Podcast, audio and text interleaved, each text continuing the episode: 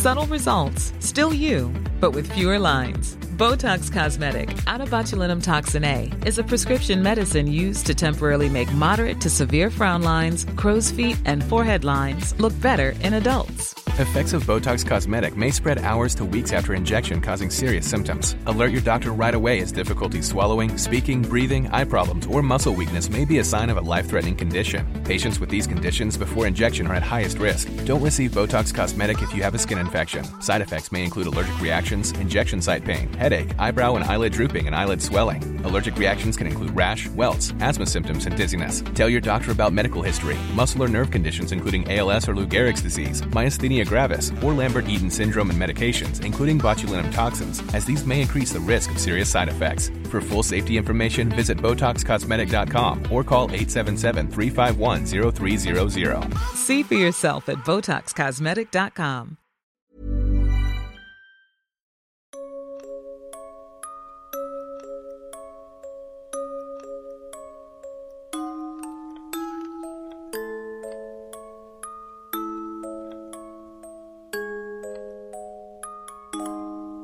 Hej och välkomna, gott folk, till ett litet specialavsnitt av podcasten Tack för kaffet. Willkommen, willkommen, willkommen. Vilkam, Det är vi som är Tack för kaffet podcast. Johan, Ja, presentera idén av detta avsnitt.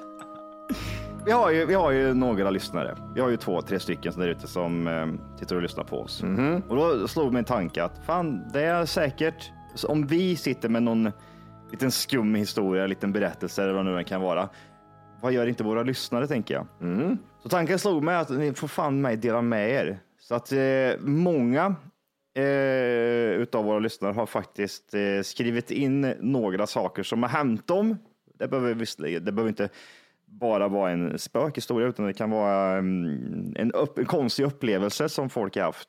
Eh, Mysterious. ja, mystery shit. Mm, något övernaturligt är du ute efter va?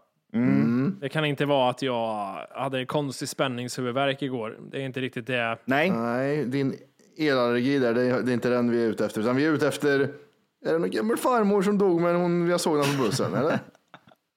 så jag tänkte vi gemensamt skulle gå igenom lite eh, olika berättelser här. Härligt, härligt. Hur känner, hur känner ni? Är ni så här, har, ni- har, ni, har det hänt någonting den senaste perioden för er? Eh, just eh, kring märkliga saker, någon sömnparalys eller något liknande som vi pratade om ett sist? Nej? En paralysis kommer och går ibland. Det är, så, de är mindre nu, för jag vet vad det är för något. Så de you can't fuck with me, säger jag bara till dem. Så jag, jag, jag, må, jag må ligga så här. Och jag kan inte röra mig, men jag vet vad det här är. Så sug min kuk, säger jag till den jävla Men maran. har, har det hänt nyligen menar du? Ja, någon vecka sedan kanske. Jaså, vad hände då? Nej, men det, det, det, är inte så mycket, det är inte så mycket så att någon står i, i dörren eller så här, utan det är mer att jag vaknar, kan inte röra mig och känner, du känner den här äh, mörkret närmar sig om natten. Det, liksom, det, blir så här, äh, det kommer över mig liksom. Och så bara, nu kan jag inte röra på mig och jag vet vad det här är. Det är den här jävla sk- psykskiten och jag orkar inte med det här och sluta bara. Och så ligger jag där och försöker trots allt röra mig och väcka tjejen. Alltid väcka tjejen. Ja, Men det går inte. nej. Eh, och så vad heter det, vaknar jag upp ifrån det. Du, du Jimmy har aldrig varit med om någon eh, sömnparalys förut va? Jo, men lite. Men nu för tiden ramlar jag bara ner från träd hela tiden. Ja, den är hemsk den. Det är bara så här, ah! Den är vidrig. Jag gjorde det här om dagen. Föll 500 meter ner från ett stup. Ah! Vet du vad jag gjorde? Så här var det. Så här var det. Ehm, det var jag och en, en, en, en tjejkompis som var ute och gick på ett högt berg. Och så slinter jag, du vet. Så det ser ut som att man dras ner. Från, alltså jag slinter och så givetvis så måste jag liksom halvt ramla ut från det här stupet. Så jag hänger mig fast i, i det jävla hörnet och bara tittar upp så här. Liksom, dra upp mig för helvete. Det här är, jag får den här riktiga paniken. Nu dör jag liksom. Tar tag i hennes hand och hon bara liksom typ så här, släpper mig liksom. Ah! Det där känns som en sån här dröm, så här, I saw it coming. Man börjar gå in i en dröm om man är vid ett bergstup. Bara, så, ah, jag vet vart det är på väg. Lägg ner nu, vi får det här överstökat direkt. Ja, men det, det är precis som, som man, man blir jagad någonting i drömmen och så gömmer man sig så vet man. Man går, man går ovanför sig, sig själv och tänker, hade jag gjort den här skräckfilmen så hade jag blivit hittad Ja, här. det, är så, jag vet att jag kommer hitta det förr eller senare, så hittar man den fula jäveln. Eh, men jag tycker vi drar igång. Det är väl ingenting att vänta på där. Kör!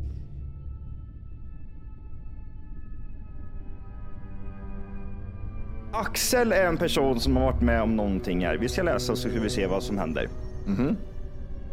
Jag var med om märkliga saker hemma när jag var en liten pojk. Bland annat sattes handfatet till och från på och dörrarna även slogs igen. Men en sak är mer mystisk. Det var när jag hörde på radio, och detta hände flera gånger, att radiopratarna snackade på ett slaviskt språk, typ ryska. Ingen av mina bröder hörde något liknande och det sa att det var enbart var inbildning. En dag så frågade jag min mamma om hon hade hört något liknande. Hon svarade då att ja, jag trodde det bara jag var ensam om det. Oförklarligt och väldigt märkligt. Har inte hört det här igen på äldre dagar. Jag har också varit med om det här. Ja, det, det här slaviska språket i radiofrekvenser har jag också upplevt. Ibland i typ, AM-frekvenser. Ja, eller även ibland har jag fått för mig i samband med någon typ inspelning eller någonting. Att jag suttit med mikrofoner och sånt, att det har varit något konstigt. Eh, jag, jag tror inte det där är, ja men det är också något sådär, ja, slaviskt språk är bra där. Det är ryske pojke eller någon som pratar i bakgrunden. Vad är- när, när hörde du, alltså det här är jättekonstigt. När hörde du det här menar du?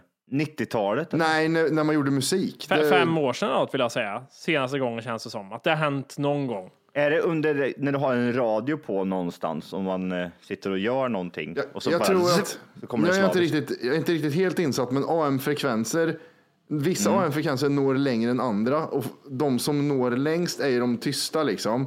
Så Mm. när du är mellan två frekvenser så kan du höra så här, och så babblar det vidare.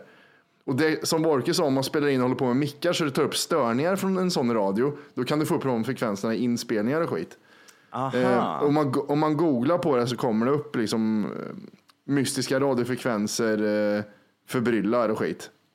Kan man, kan man urskilja till exempel vad det är de pratar om? Jag tänker till exempel om man hör att det är något informativt eller om, man, om det är typ så här och så typ så är det någon, och så är det någon där radio, radiopratare, rysk radiopratare eller hör man att det är typ en Det jag hörde, det här var ju sent 80-tal, men det jag hörde var Olof Palmski, eh, eh, nu ska vi, ut på rövarjakt. Olof Palmski. Eh, Christer Pettersson oj, oj, oj, oj. Det hörde jag. Så jag vet inte vad det betyder, det betyder ingenting, det var olika ord liksom.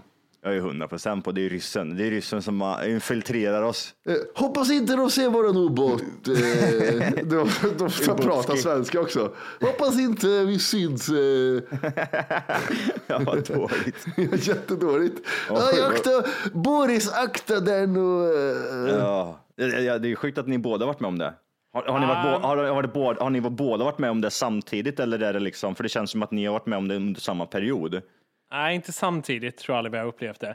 Men, det, nej, men därför blir inte den, den där är inte så, eh, så häpnadsväckande tycker jag. Den, den är Eftersom- lätt att berätta hur det är tror jag. Ja, Plus att han var en pojk också och då är det så här, ja, gånger tio har han förstod upp det där.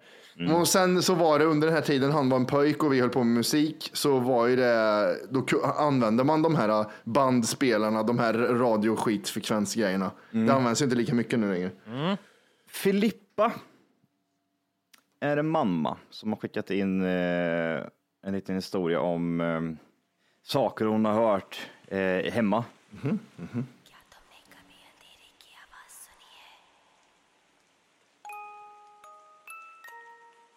Min son är åtta månader och sover i eget rum. Vi har alltid monitor med kamera så att vi även ser och även hör han. Natten mellan torsdag och fredag så stängdes monitorn av gång på gång och bilden på skärmen började blinka. Så monitorn reklamerades. När sambon och jag hade somnat så vaknade jag av att någon puttar till mig lite lätt på armen. I ren reflex slår jag till sambon som alltid håller på att jävlas annars och somnar om. Vaknar av samma sak igen. Sambon snarkar för fullt och blir sur när jag väcker honom från be honom sluta. Jag somnar om igen. Vaknar flera timmar senare av att någon skriker vakna i mitt öra.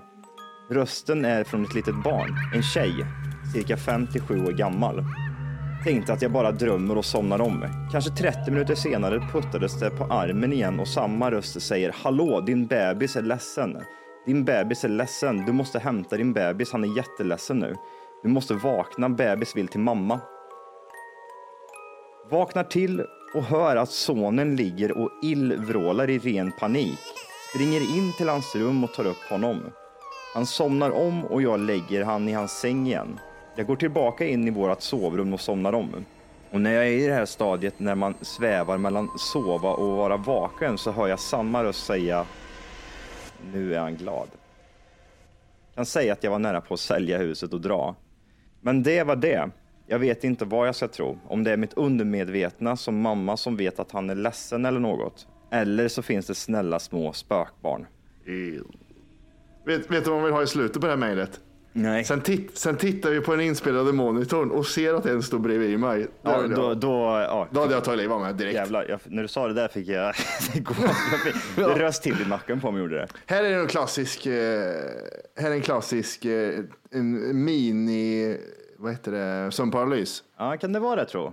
Ja, jag tror också det rör sig om det. Jag tänker mig, precis som hon själv skrev lite det här med att det, det är undermedvetna. Hon hör en unge på distans Ja. skrika lite grann och sen så eh, ja, är det väl någon minihallucination. Mm. Sömnparalys som eh, framkallar det där rösten. För det känns som det psy- psykiska bland mammor som är ganska, har småbarn är väldigt så här, bara skydda ungen, bara Mm. tänka ungen hela tiden liksom. Men det är ju det på ett läskigt sätt.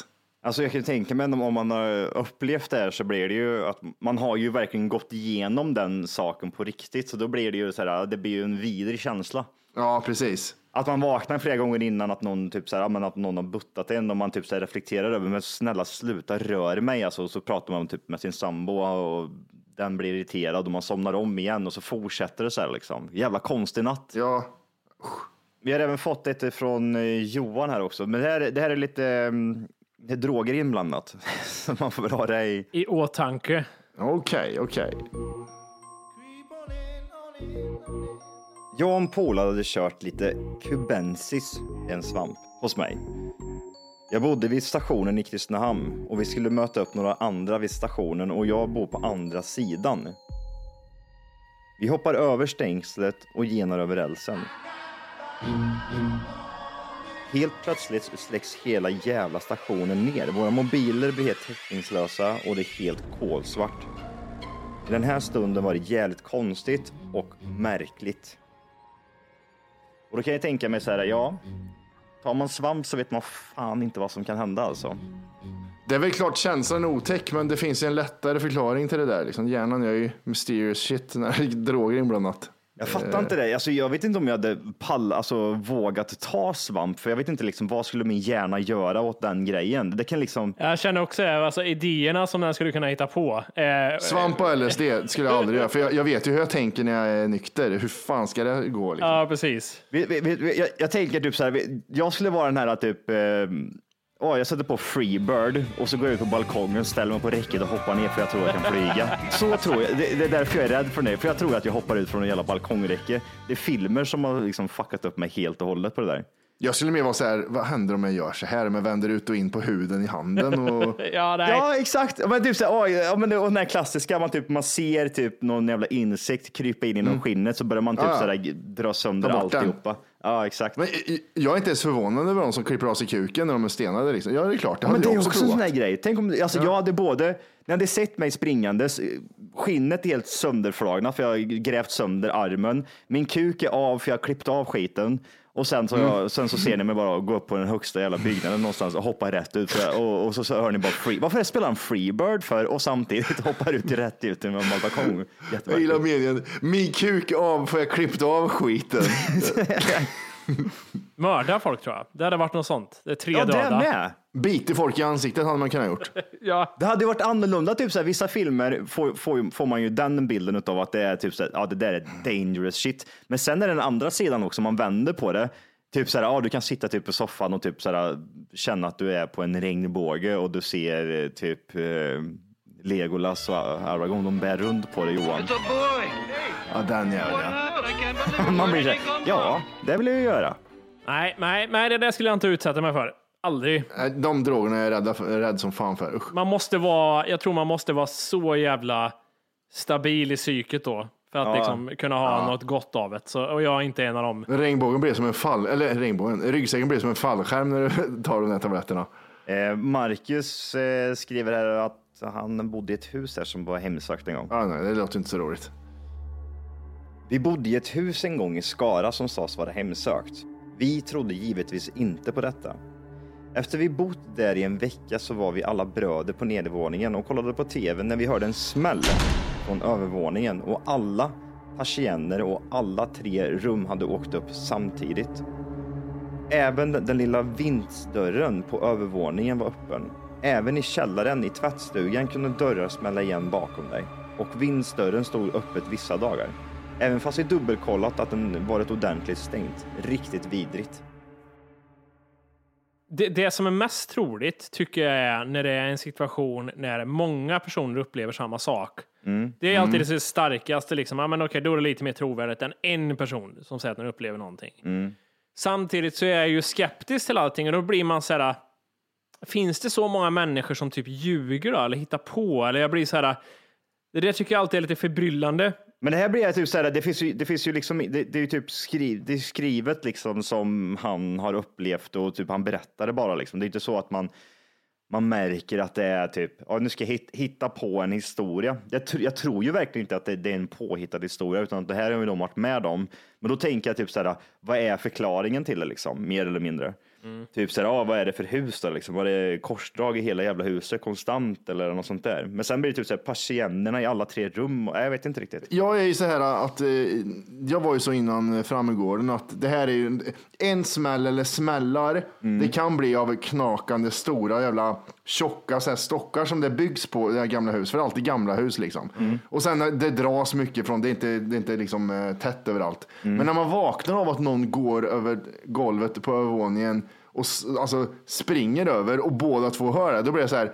Hur ska man förklara det här då? Ja, den, den är ju hemsk, den är ju vidrig. För båda kan inte ha samma drömgrej. Inte bara det, men typ så här när vi pratar med Jimmy och han står längst ner i den andra byggnaden och vi står i ett fönster och tittar in och hör det här um, slå igen ljudet och jag är 300 procent. För det var, det var inte liksom typ så här, um, att det var ett kylskåp som lät eller om det, vi var- kollar ju allt det där. Det där har vi kollat allt. det är så tydligt alltihop att det är någon, någon som gör det, för det är osammanhängande och sen typ någon melodiaktig sak. Eh, och Jimmy var med om någonting som är typ så här 100 100-150 meter längre bort i en annan byggnad där han står och vi tror att han är stå, står i vårat hus där vi är liksom.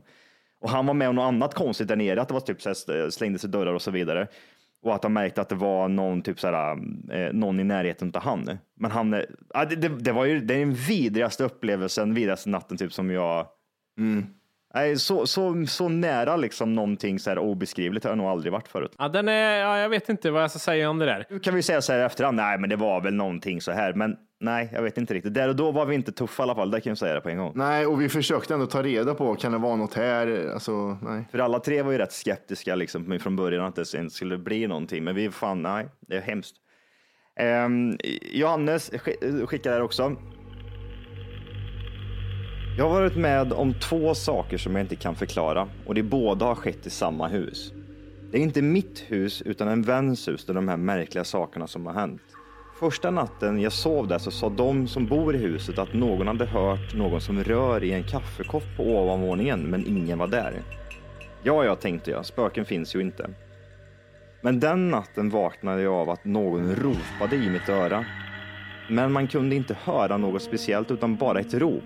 Den andra natten jag skulle sova där så la jag mig på soffan på nedervåningen för att slippa bli väckt av något rop ifrån någon som inte fanns där.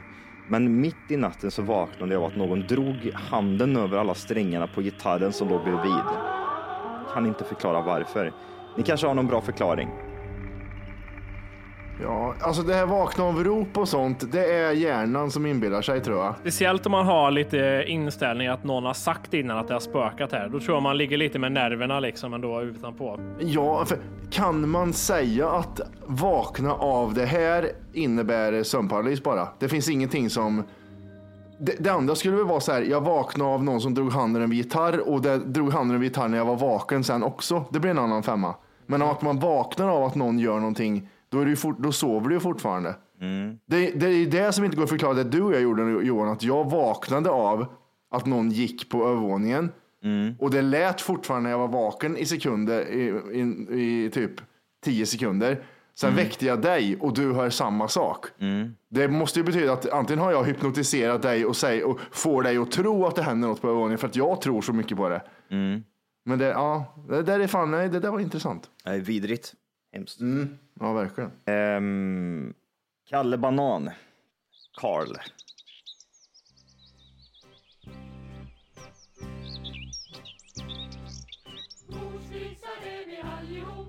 Varje sommar firas det midsommar i en sommarstuga utanför Lindesberg. När man var mindre var det tillsammans med familjen och nu umgås ett gäng kompisar där varje midsommar. Vid varje midsommar har vi sett en träjolle ute på sjön som sakta glider fram med en lykta tänd utan någon i båten skådas. Åh jävlar, jag får grisen i kroppen. Vid varje tillfälle har det legat lätt dimma över sjön som det brukar göra mitt på natten. Rätt vad det är så är båten försvunnen mitt i mörkret, ungefär som att någon släckt själva lyktan. Ingen har kommit med någon bra förklaring utan att det här har bara skett varje år. Kusligt.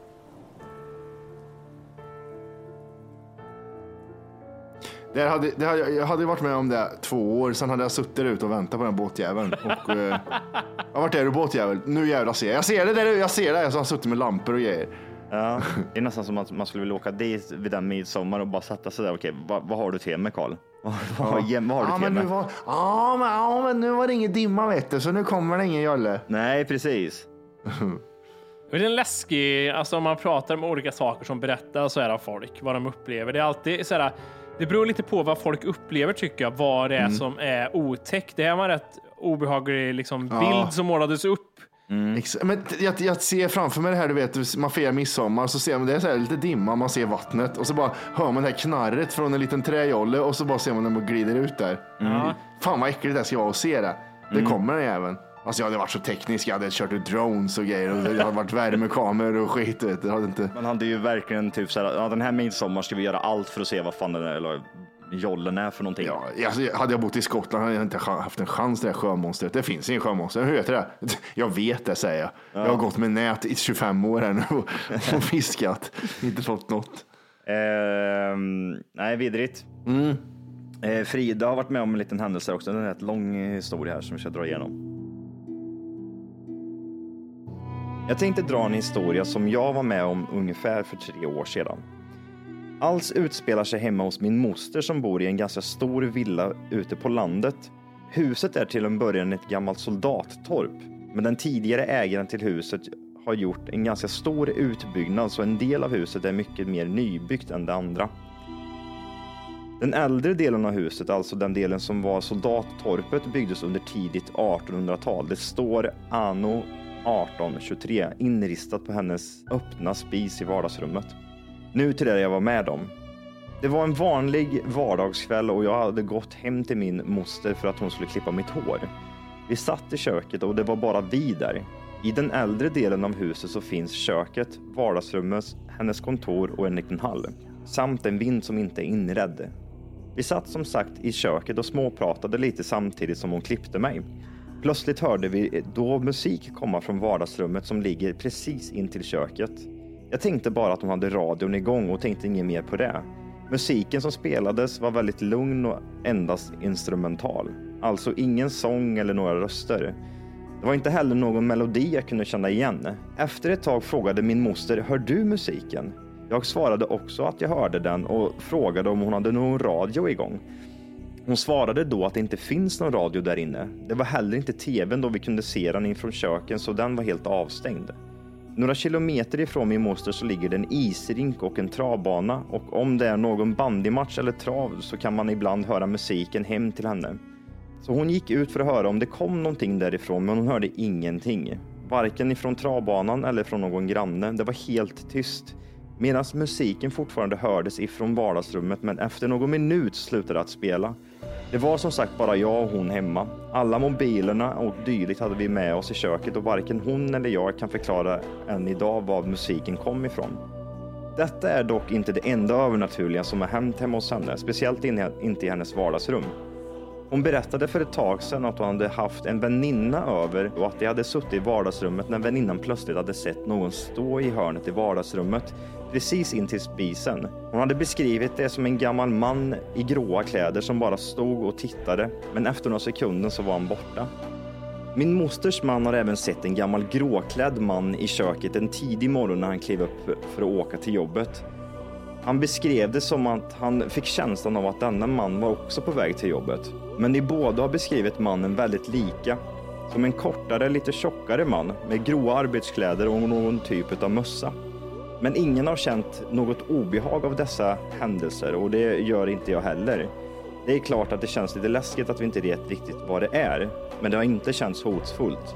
Det är säkert bara husets historia som gör sig till känna.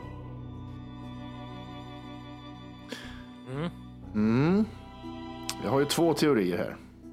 Eh, Den där gråklädda mannen låter ju som det är ett gammalt soldathem, så de, man såg ut så på den tiden. Så det där är någonting som har vandrat och berättats vidare att så här såg de ut och så här den här mannen står här. För det låter ju som det att det är, du, ni vet eh, 91an Karlsson, kommer ni ihåg det?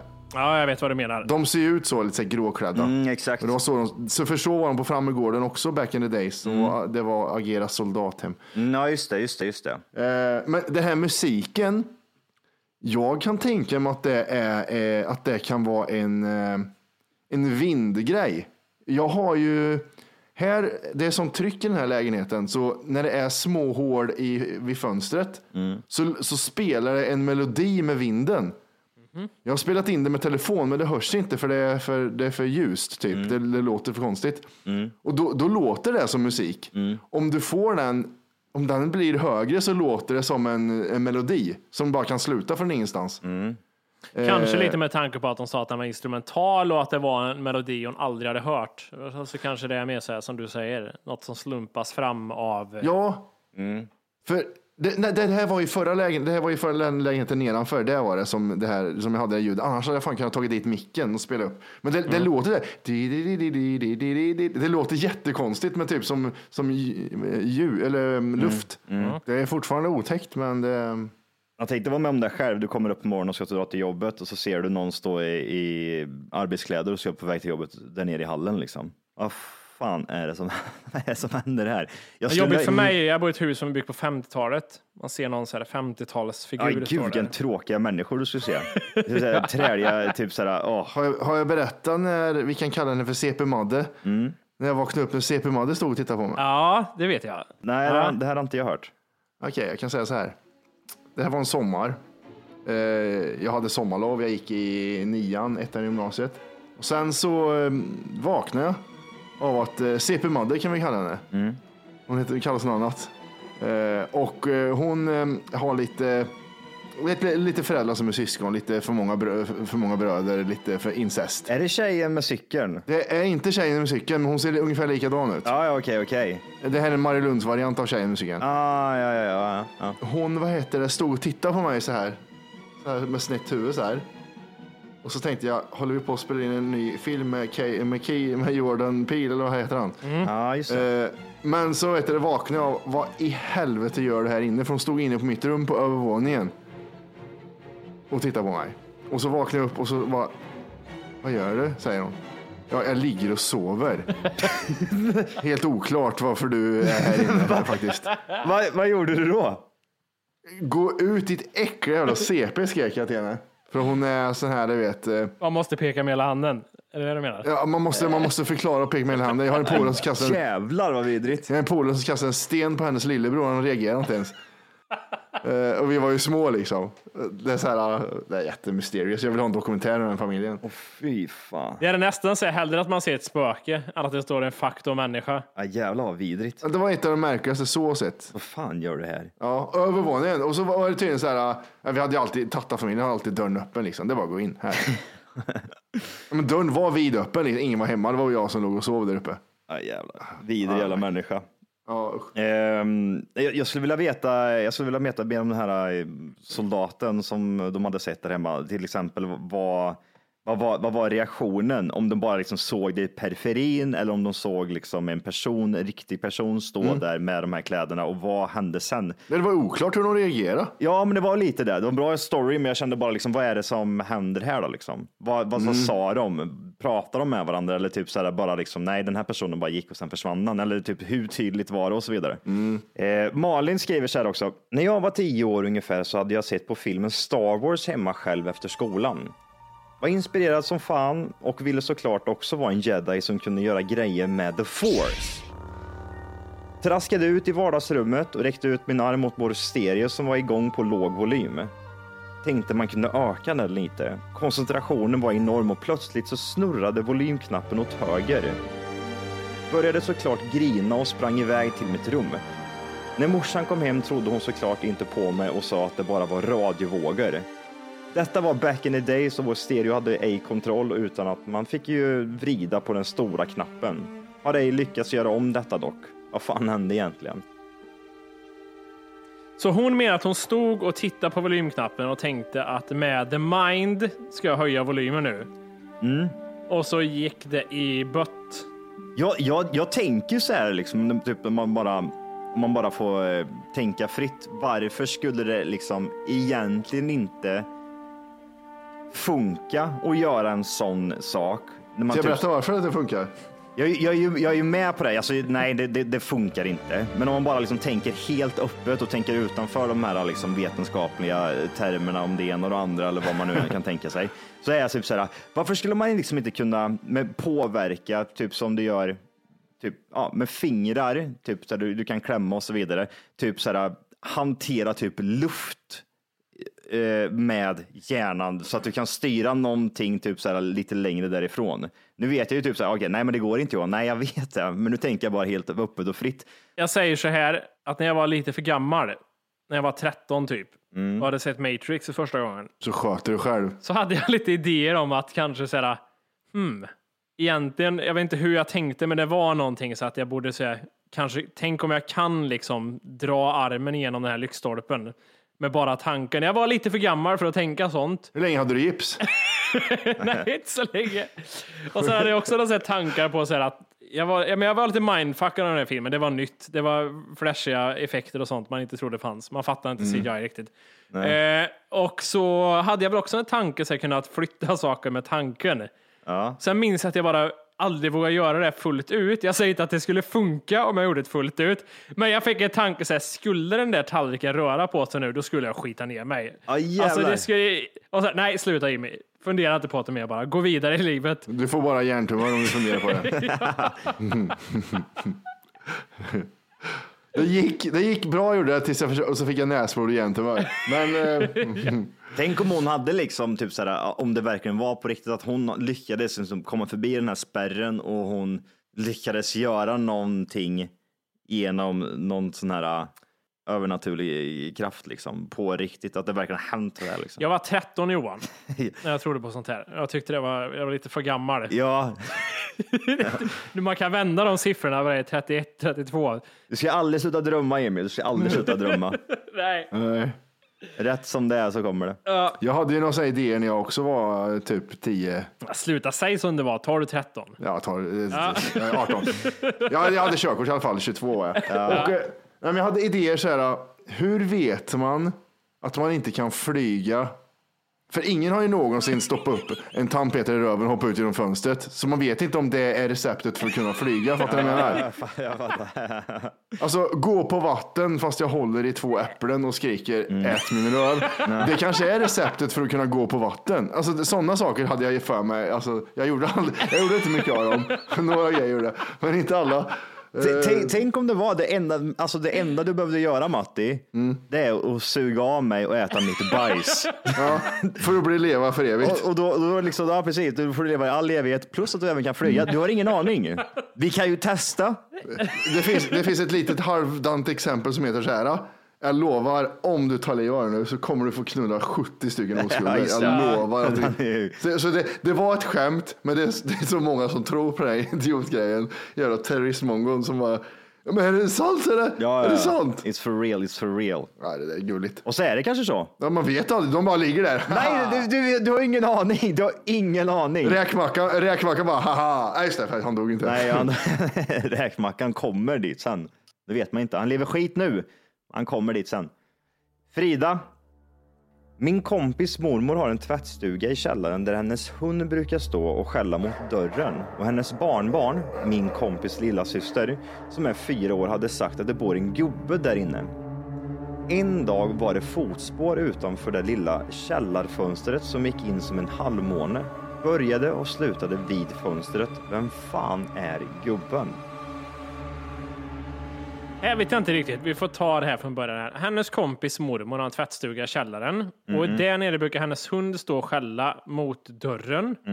Och hennes barnbarn, som är typ fyra år och säger att det ska vara någon gubbe där nere. Och en någon dag där. I tvättstugan. Alltså. Ja, precis. Sen så såg de då där någon fotspår utanför det här lilla källarfönstret som gick som en halvmåne. Och så slutade det då, liksom, det började och slutade vid fönstret. Ungefär som att någon har gått ut genom fönstret och sen direkt in igen. Alltså det, det, är, det är inget till eller från gatan eller något. utan Det är bara- lite, hunden kan skälla, ungen kan ju, kan ju hitta på. Men det är fotspåren där, det är då man bara så här, Mm. nu är det ingen, flytt på dig ungjävel, flytt på dig hundjävel, nu ska vi undersöka det här skiten, en jävla Mm. tjuv här. Undrar vem det är som går i den där källaren, tänker jag bara. Tänk om det är liksom en människa som bara typ smyger sig in bort emellan och typ Ligger och sover. och sen drar därifrån. En sån här riktig sån här serial killer liksom. Ja. Fan vad vidrigt. Och veta liksom att någon har varit typ hemma hos en sådär liksom. Utan ens vetskap när man har sovit. Aj. Det är ju fan drö- det är mardrömmen det. Man sätter upp en jävla kamera hemma. Och så tittar man bara liksom, ah, jag, ser, för jag vill se om jag typ här, går i sömnen eller något liknande. Man tror det, för det har hänt mycket konstiga grejer hemma. Och så typ så här, ja, men jag sätter upp en filmkamera här och så kollar man på videon dagen efter. Så så kommer det in en annan människa i sovrummet och ställer sig och tittar på den och går därifrån igen. Det är eh, inget roligt. Det är, det är mardrömsscenario, fy fan vad vidrigt. Jag vaknade av en gång för jag var jätteliten. Mm. Eller för liten för att vakna på det här sättet. Jag vaknade av att morsan skrek att det är någon som är utanför, någon som är vid garaget, ska göra inbrott. Mm, Farsan ger mig någon jävla tillhygge så ska han och jag gå ut och ta de här två inbrottstjuvarna. Okej. Ja, Vet, hans tillhygge, det var en sån här, ni, ni, vet, ni vet back in the days när man kunde titta på bilder hemma, på diabilder. Aha. Hans tillhygge var den här rullen du drar ner, en sån stålrulle. Ah, okej, okej. Sån använde han som baseballträ. Jag fick någon jävla, jag vet inte, papprör eller något. Jag fick något jättelitet. Så ska han och jag gå ut. Det var ingen så här han skulle gå ut själv, utan det var han och jag skulle gå ut. Det kan ha som sköld. Ja, exakt. frågan är vad, vad, hände? Han, han ni ut liksom? Kom, var det folk där ute eller vad hände? Nej, han såg dem genom fönstret eh, i sovrummet. Såg han dem att de på skulle ta sig in i, i, i, eh, i garaget. Och vad arg han såg. Det, det är typ som att gå in i hans eh, typ såhär, m- tempel. ja men till, exakt. Ja. Vad arg han ska vara. Mm. Jag har precis städat där inne, sju år gammal, så det är så här, jag blir också du, förbannad. Du, du blir också jättearg. Helvete. ja, det är jag jag som hittade nu jävlar så de får stryk. Ja, gött. Fy Fan. Ja, det var sinnessjukt. Hemskt. Ja jävlar. Vi har fått ett ganska, en lång typ såhär, um, ett långt mejl från Kevin. En lång historia. It's the time of the season when love runs high. Under 70-talet så jobbade min morfar i skogarna runt om i Värmland. Han gjorde allt vad nu de här skogsarbetarna gör. Jag vill bara flika in att min morfar, som nu är död, var en motorcykelknutte. Fullt tatuerad och som från ung ålder jobbade i skogen. Han är inte riktigt någon drama queen om ni förstår vad jag menar. Och det är just därför denna berättelse ger mig kalla kårar. Nog om det. Varje morgon samlades morfar och de andra arbetarna på platsen i skogen där dagens arbete skulle utföras. Likaså denna dag, en kall morgon i februari. Skogen låg fortfarande mörk då detta var tidigt, tidigt på morgonen. Vid platsen där männen skulle träffas och få sina arbetssysslor utdelegerade hade de tänt en brasa för att hålla värmen trots den bitande kylan. Och de stod i vanlig ordning och drack sitt morgonkaffe, rökte en cigarett och pratade om dagens arbete i allmänt. Morfar jobbade då som arbetsledare och anlände till platsen då de andra arbetarna stod redo, cirka 10-12 stycken plus morfar. Han rullade in i sin bil, parkerade den 50 meter från brasan och gick sedan mot sina kollegor för att förklara hur dagen skulle komma att se ut. God morgon, hälsade morfar till sina kollegor. Männen nickade till åt morfar, men var ovanligt tysta och såg närmast sammanbitna ut. När morfar kom fram till de övriga arbetarna märkte han att det var något de funderade på. De såg nästan smått irriterade ut. De kollade på morfar och frågade till slut, har du grabben med dig till jobbet? Morfar svarade efter en sekunds eftertänksamhet. Grabben? Nej du, inte till jobbet inte. Kollegorna skrattade till. Inte det? Vem är det du har med dig i bilen? Kollegorna till morfar berättade därpå att allesammans sett en pojke i tioårsåldern sitta i passagerarsätet. De beskriver honom alla på samma sätt och var övertygade om vad de hade sett. Morfar skakade på huvudet och tänkte ingenting mer på det. Han är som sagt inte den vidskepliga typen av människa. Dagarna rullade vidare i vanlig ordning. En kväll några dagar senare sitter morfar på sin vanliga plats i köket med en cigarett och läser tidningen som brukligt. En kall kår går över morfars rygg. Han läser i sin tidning att bara veckor innan den märkliga händelsen på arbetsplatsen drunknade en liten pojk i samma ålder som hans kollegor beskrivit. I vattendraget som min morfar och de andra männen jobbade intill. Morfar har länge gått och burit på den här historien men berättade för första gången året innan han gick bort i sjukdom. Jag vet att min morfar inte ljuger, men jag vet inte hur jag ska förklara detta. Season. Det där är en sån här klassisk typ såhär, Klassisk, eh, jag vet inte, eller så här, gammal otäck historia. Ja, men det är även en typ sån här klassisk historia, typ som typ eh, sin morfar eller mormor eller vad det nu än kan vara, går och bär på liksom. Jag, jag vet att min mormor kom alltid med någon historia, jag kommer inte ihåg exakt hur det var, nu lever ju inte hon längre, men hon berättade om en historia typ om eh, när hon och några kompisar var hemma och någon hade gått bort och det var klockor som ringde och det var det ena och det andra och de hade sett massa saker och sen så hade det här, typ den här personen hade gått bort typ i samma ögonblick som allt andra hände. Och så berättade hon även om, alltså, jag kommer ihåg det så jävla väl, hon berättade om historien om hur hon träffade en person eh, när hon var på väg hem, för hon bodde på landet. Jag tror hon, var, hon är född och uppvuxen i, i Sunne och på den här tiden typ så var det typ så här, var man på logen och dansa och sen så cyklade man hem på kvällen. Och då berättade hon typ så här en historia om att, typ, att hon träffade en tjej typ som kom typ barfota och typ såg helt eh, märklig ut och så pratade hon med den här personen och sen typ hade den här personen bara vänt och sen gått in i skogen igen. Sen hade hon cyklat hem och typ så här jättekonstigt och sen fick hon reda på typ dagen efter att den här personen var borta. Eller något liknande. Eh, men det känns som en typisk sån historia. Ja, men jag gillar den. Jag gillar historien. Alltså oavsett spekulation i vad det är, så jag tyckte om historien. Som sagt, det skulle bli en bra film. Jag tror det. Det låter som en bra start. Vi, vi fortsätter. Det tycker jag. Vi har fått eh, en härifrån Sofia också, en liten eh, berättelse. Hon säger att hon är lite skeptisk eh, till hela alltihopa. Hon skriver så här.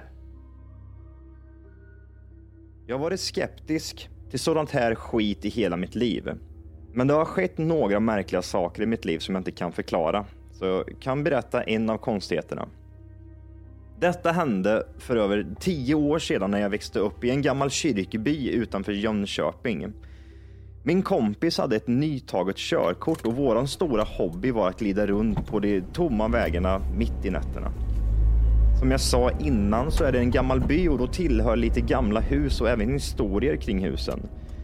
Så som den gamla skolbyggnaden som brann ner för cirka ungefär 100 år sedan och sedan blev återuppbyggd igen. Det går ju självklart vandringssägner om branden och en berättar om hur vaktmästaren upptäckte branden i källaren där oljepannan var placerad. Oljepannan fick fyr och exploderade och vaktmästaren blev inbränd i väggen. Men så en kväll när vi skulle svänga ner med bilen till området vi bodde på så åkte man förbi skolbyggnaden och framför bilen ser vi helt plötsligt som en svartbeklädd skepnad. Påminde väldigt mycket om hur en lieman alltid beskrivs. Skepnaden kastade sig mot bilen och både jag och min kompis började skrika i panik. Skepnaden försvinner genom motorhuven på bilen och det hörs inget duns eller något. Den bara går upp i rök. Min kompis bromsar såklart av ren reflex och jag skriker i panik kör, kör för i helvete. Vi kommer hem till slut och vågar inte riktigt prata om detta igen på ett bra tag. Några år senare så pratade vi om det på en fest där en annan var med som även hade vuxit upp i området och vars familj hade även bott i flera generationer. Han berättade att hans farmor hade varit med om en liknande upplevelse nära skolan och enligt henne så var det den gamla vaktmästaren som inte fått ro och sökte fortfarande efter personen som var skyldig till branden och där han omkom. Jag vet inte om historien om vaktmästaren är sann eller inte, men det är vad som alltid har sagts. Men att både jag och min kompis såg samma sak hända är väldigt, väldigt märkligt. För hade bara en sett det så hade jag ju tagit det för att man var trött och såg i syner. Det var nog det allra läskigaste jag varit med om och saker som har hänt mig som jag inte kan förklara.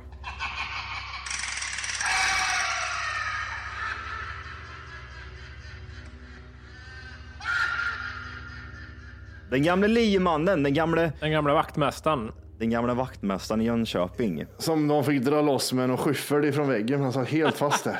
Det var eh, sot överallt men limannen satt där du, med sin lie och sin vaktmästarnyckel. Jag blir såhär, typ, vadå, fanns han kvar på väggen? Jag fattar inte det riktigt. Ja, men det, det, där, det där hände på Björneborgs järnväg för massa år sedan. Det var en, Jag gillar, jag gillar berättelsen som börjar med det där hände någon gång på Björneborgs järnväg för länge nej, sedan. nej, alltså farsan var vittne till det här. Ja, ja, men jag menar ändå. Jag förstår vart det här bära skall och jag vill bara sådär. Det hänger ett, ett rör som väger 30 ton så här med två gripklor eller vad man ska säga. Inte gripklor, men två hängen. Sen lossnar ena hänget och då så blir det svaj på den där, det där röret. Och så står den stackars jävel upp vid, mot väggen och där trycks han in i väggen och det blir ett brännhål efter det där röret. För röret är ganska varmt. Det är, de gjuter ju de där jävlarna. Överlevde han eller? Ja, han sa det efteråt. Jävlar vad tur att jag överlevde för det där var ändå 30 ton mot en stenvägg. Det är helt otroligt. Fan vad det brände till. Det brände till som fan gjorde det. Det gick rätt fort ändå, så man tänkte inte på det. Nej, för han fick ju byta på för antänder och grejer och sen så var det helt lugnt honom. Han- Det var liksom, av ett plåster. det var som att riva av ett plåster. Han fick några skrap som någon ärr i pannan, så jättekonstigt ut. Nej, alltså, jag, jag, tror, jag tror att det var så här. Det var så här, det är noll kvar av den människan. Ja, ja, det måste vara det va? Han säger så går runt där på Björneborgs järnväg fortfarande. Vad fan var det som hände egentligen? Du står och ekar i Ja, korridoren. gud. Tänk det där spöket. Enda spöket som inte är skrämmande, bara irriterande. Det var så här, "Ah, ah." Hallå, är det någon här eller? Ja, gud vad äckligt. Nej, det där är vidrigt. Uh, sådana saker. Abbe har skickat in den också. Det är återigen en sån här, liksom, jag vet inte om det är en knarkupplevelse eller vad det nu kan vara. Ja, det, var, det står där att han har knarkat lite.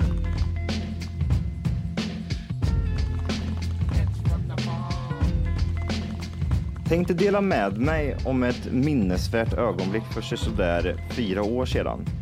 Hade börjat utforska med diverse rökelser och med polarna och fick briljanta idén att vad fan, vi kör lite av det här och lite av det där. Typ en cocktail.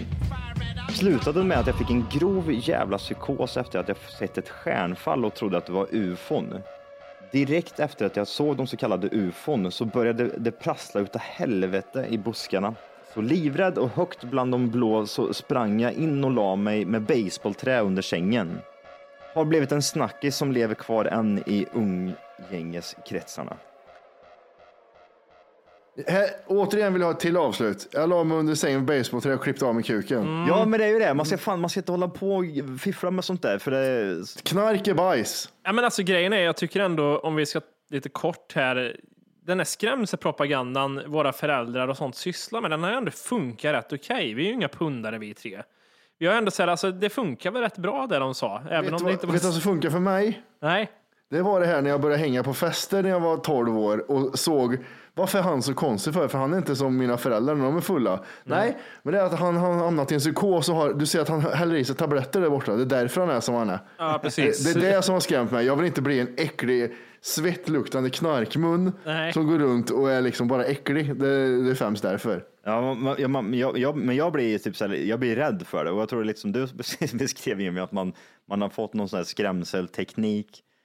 Att, ja, ah, titt på mig, du, ser han, han var bra fotbollsspelare förr liksom, nu går han runt med dildo och nördburk.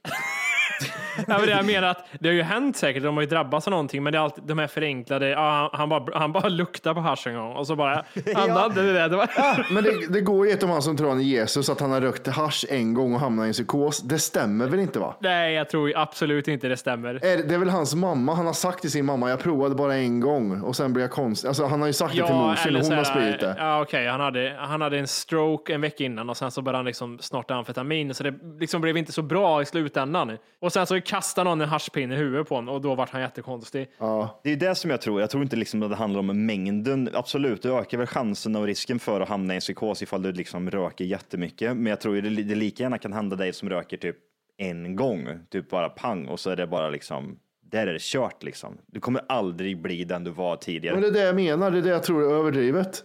Det där låter som en skröna främst. Jag, jag, jag, nej, jag tror fan inte det. Jag tror att du kan hamna i en psykos, bara röka en gång och så bara får du världens sämsta upplevelse och det, blir liksom, det ligger kvar resten av livet. Du blir aldrig den personen du har varit tidigare.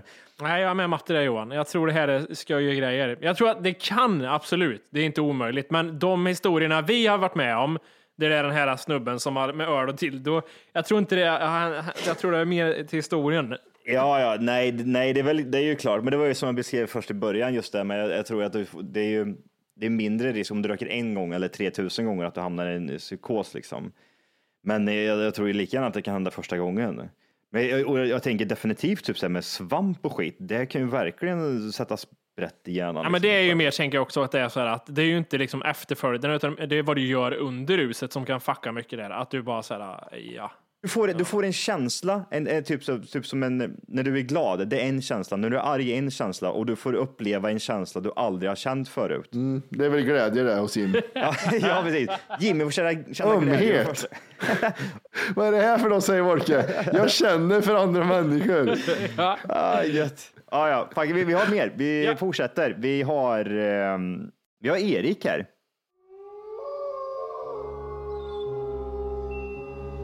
Ska försöka skriva mejlet så kort men beskrivande som möjligt för er. Det finns en stad långt åt fan i Dalarna som heter Norn. Jag och min morbror bestämde oss en kväll förra året för att köra den timma genom skogen som krävs för att ta sig till den lilla staden för att gå på en liten spökjakt. Mest känt är staden för det hemsökta bruket och skogskyrkogården där bland annat flertal barn ligger begravda. Vi kom fram runt 23.00 och det var mörkt ute.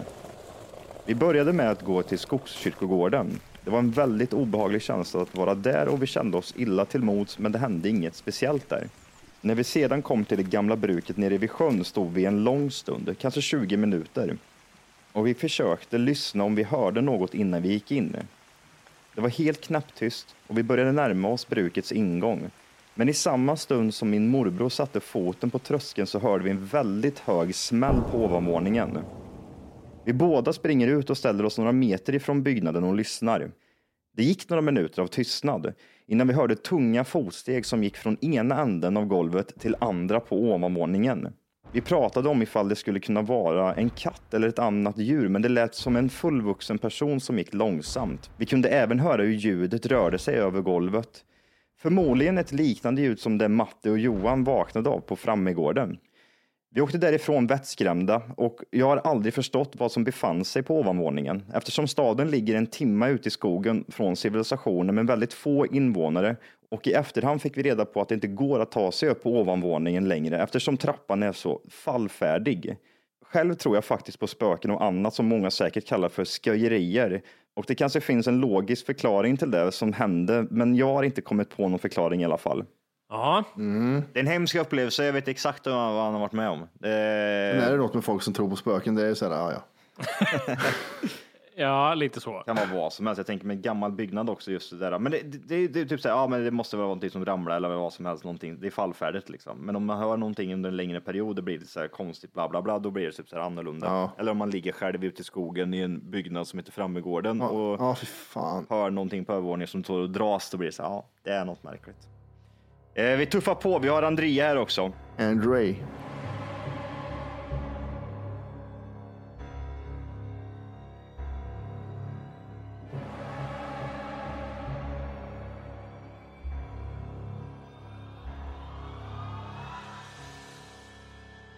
På vindsvåningen i mitt barndomshem finns ett litet rum som vi använde som kontor.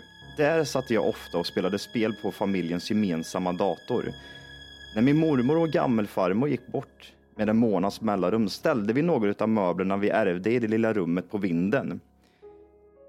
I samband med det så förändrades stämningen där inne, vilket i alla familjen kunde känna av.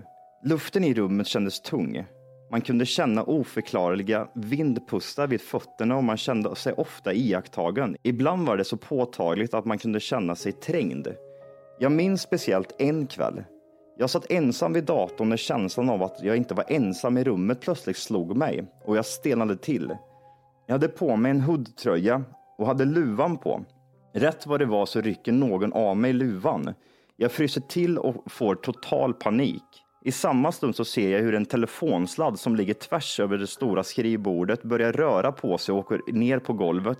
När den landar på marken smäller locket igen på en papperskorg som står en bit bort. Totalt fastfrusen och förvirrad över vad som precis hänt sitter jag med en sån hög puls att det dånar i öronen. Då blåser någon mig i nacken.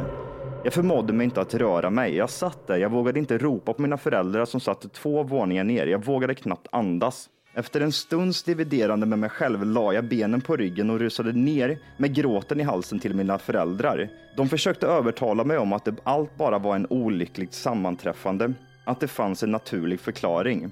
Tiden gick och stämningen i rummet lugnade lyckligtvis ner sig.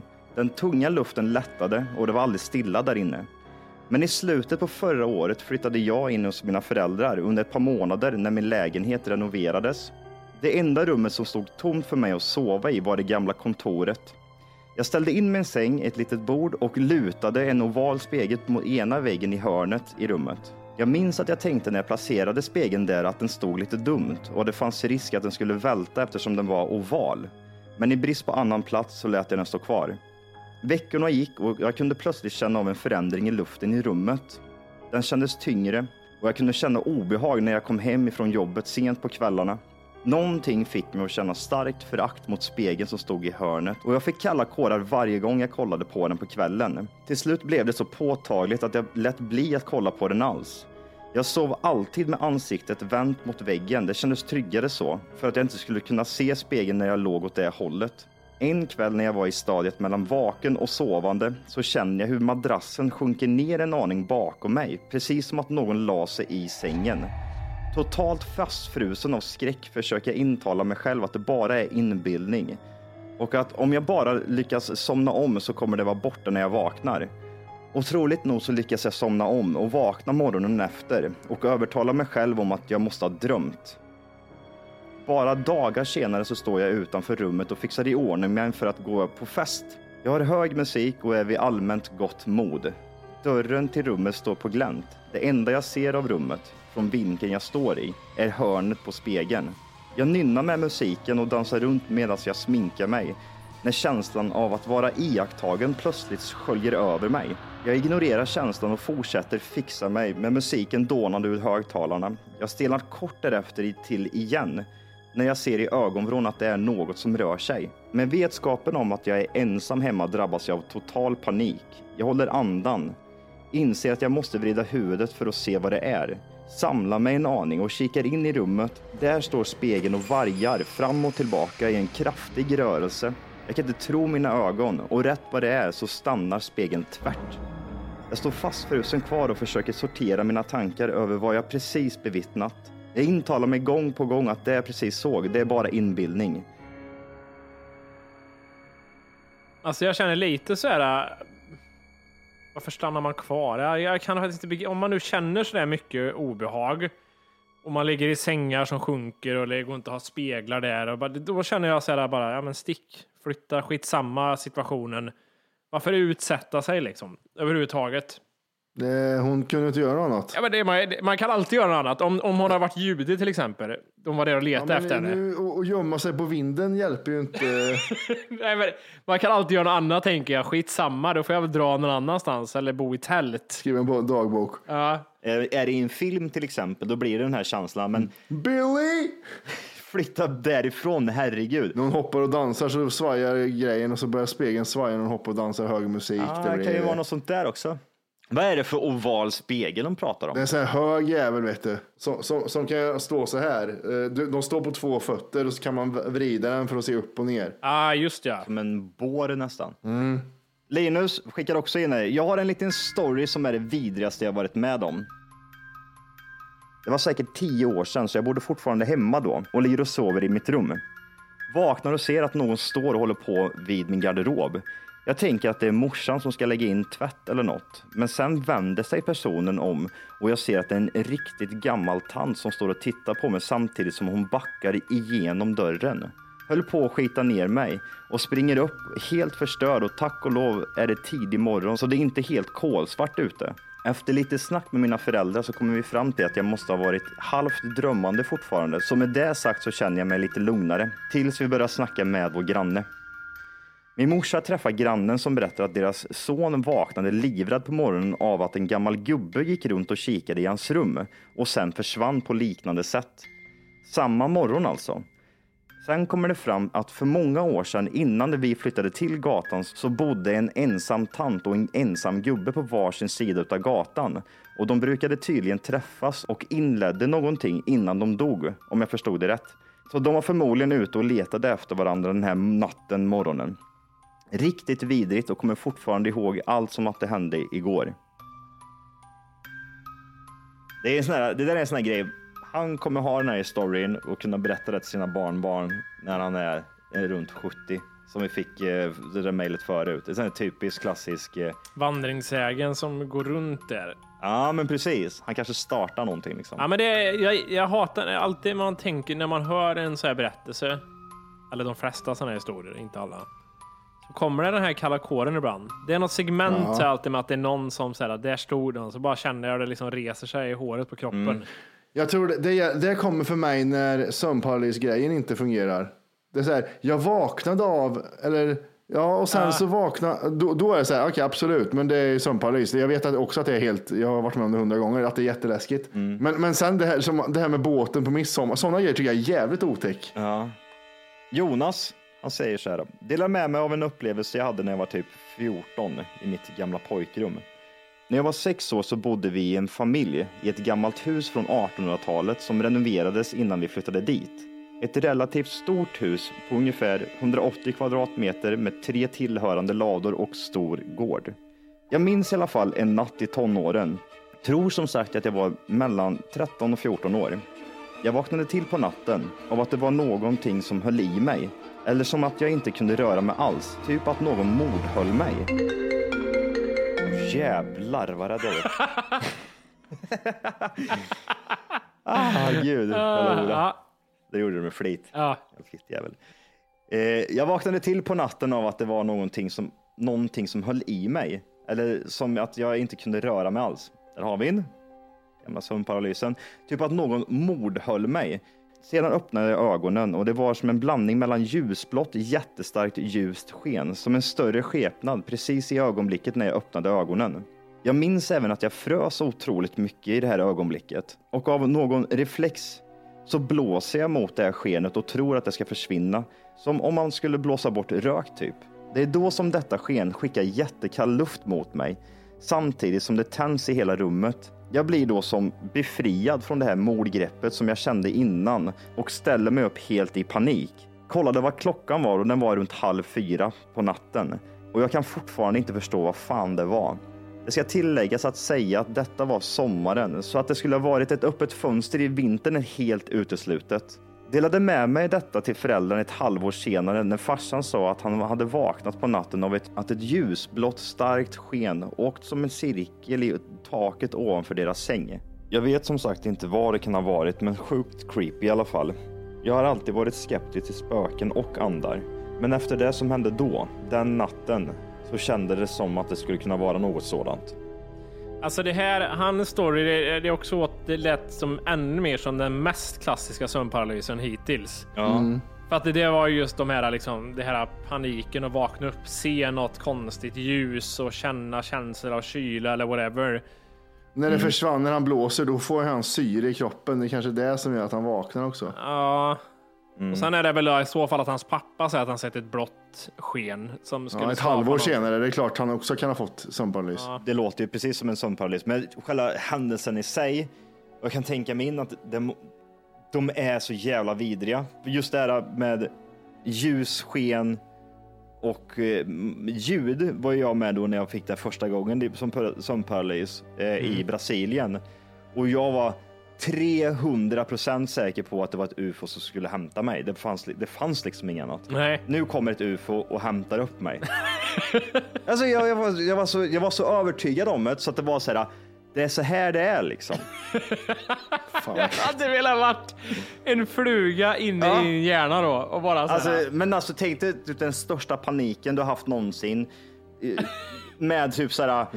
Att du på riktigt liksom får, får uppleva en, liksom en, en, en alien komma och hämta dig liksom. Att du typ, ja det det händer det. Va? Man ser övervakningsbilder därifrån så ser man så här Johan ligger. Äntligen. Så här. Det är Ja. det du säger. Eh, vi fortsätter. Vi har även eh, en från David där också. När min moster gick bort i bröstcancer 2001, 32 år gammal, lämnade hon ett stort tomrum efter sig. Kort efter hon hade dött satt jag och en kompis i mina föräldrars rum och spelade dator då jag märkte att dörren till rummet som var stängd öppnades upp på glänt. Nästan som att någon stod på andra sidan och smög på oss. Jag minns hur jag såg att handtaget åkte ner och hölls ner under tiden dörren var öppen. Jag slängde mig över föräldrarnas dubbelsäng som stod i mitten av rummet för att kunna få syn på vem det var på andra sidan, men dörren slogs igen. Jag öppnade upp dörren för att se vem det var, men det visade sig bara vara jag och min kompis Emma.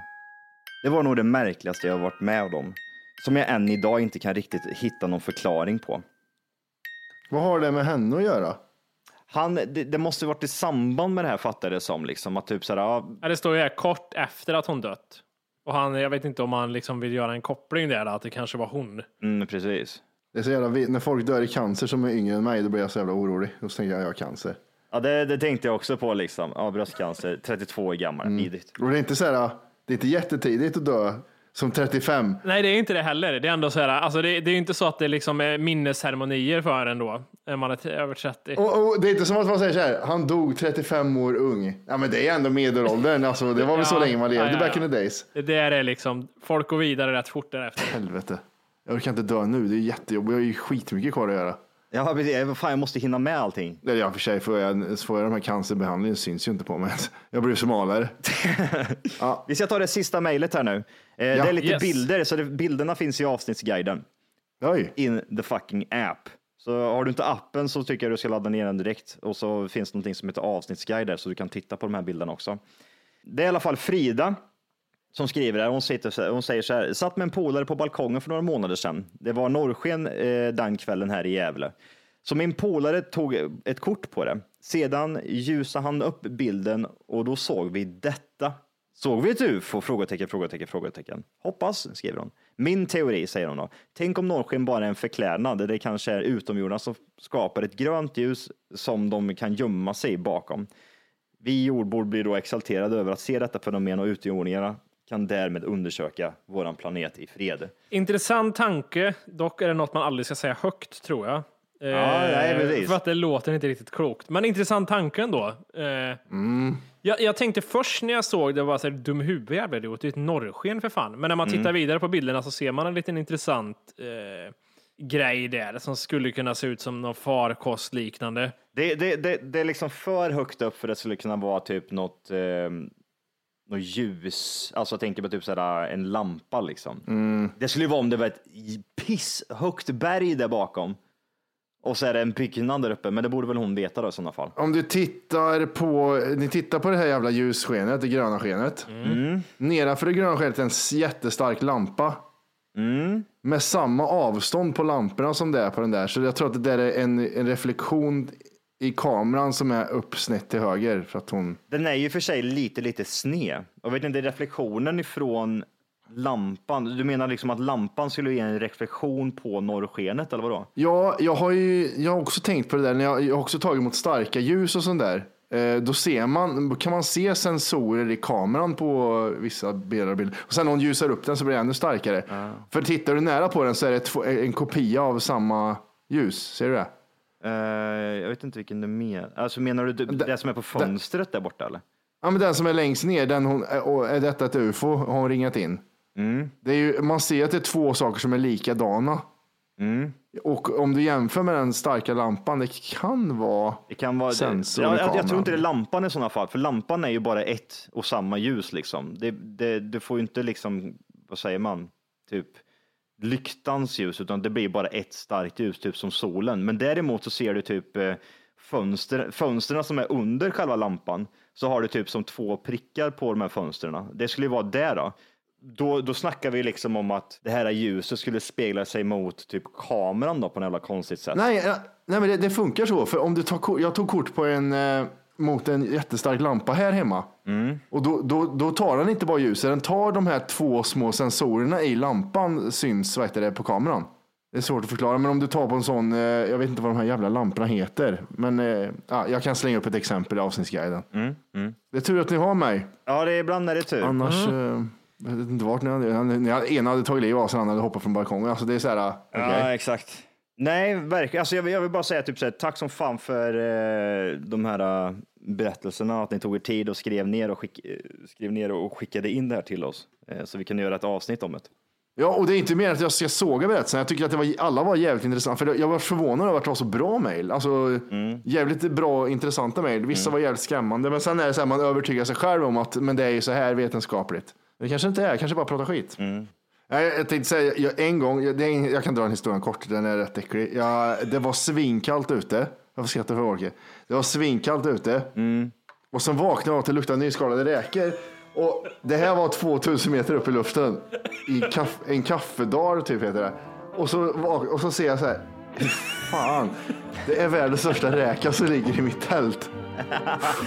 Och sen vaknade jag till och såg att det var, ja det var ju Wolke då. Ah, gud.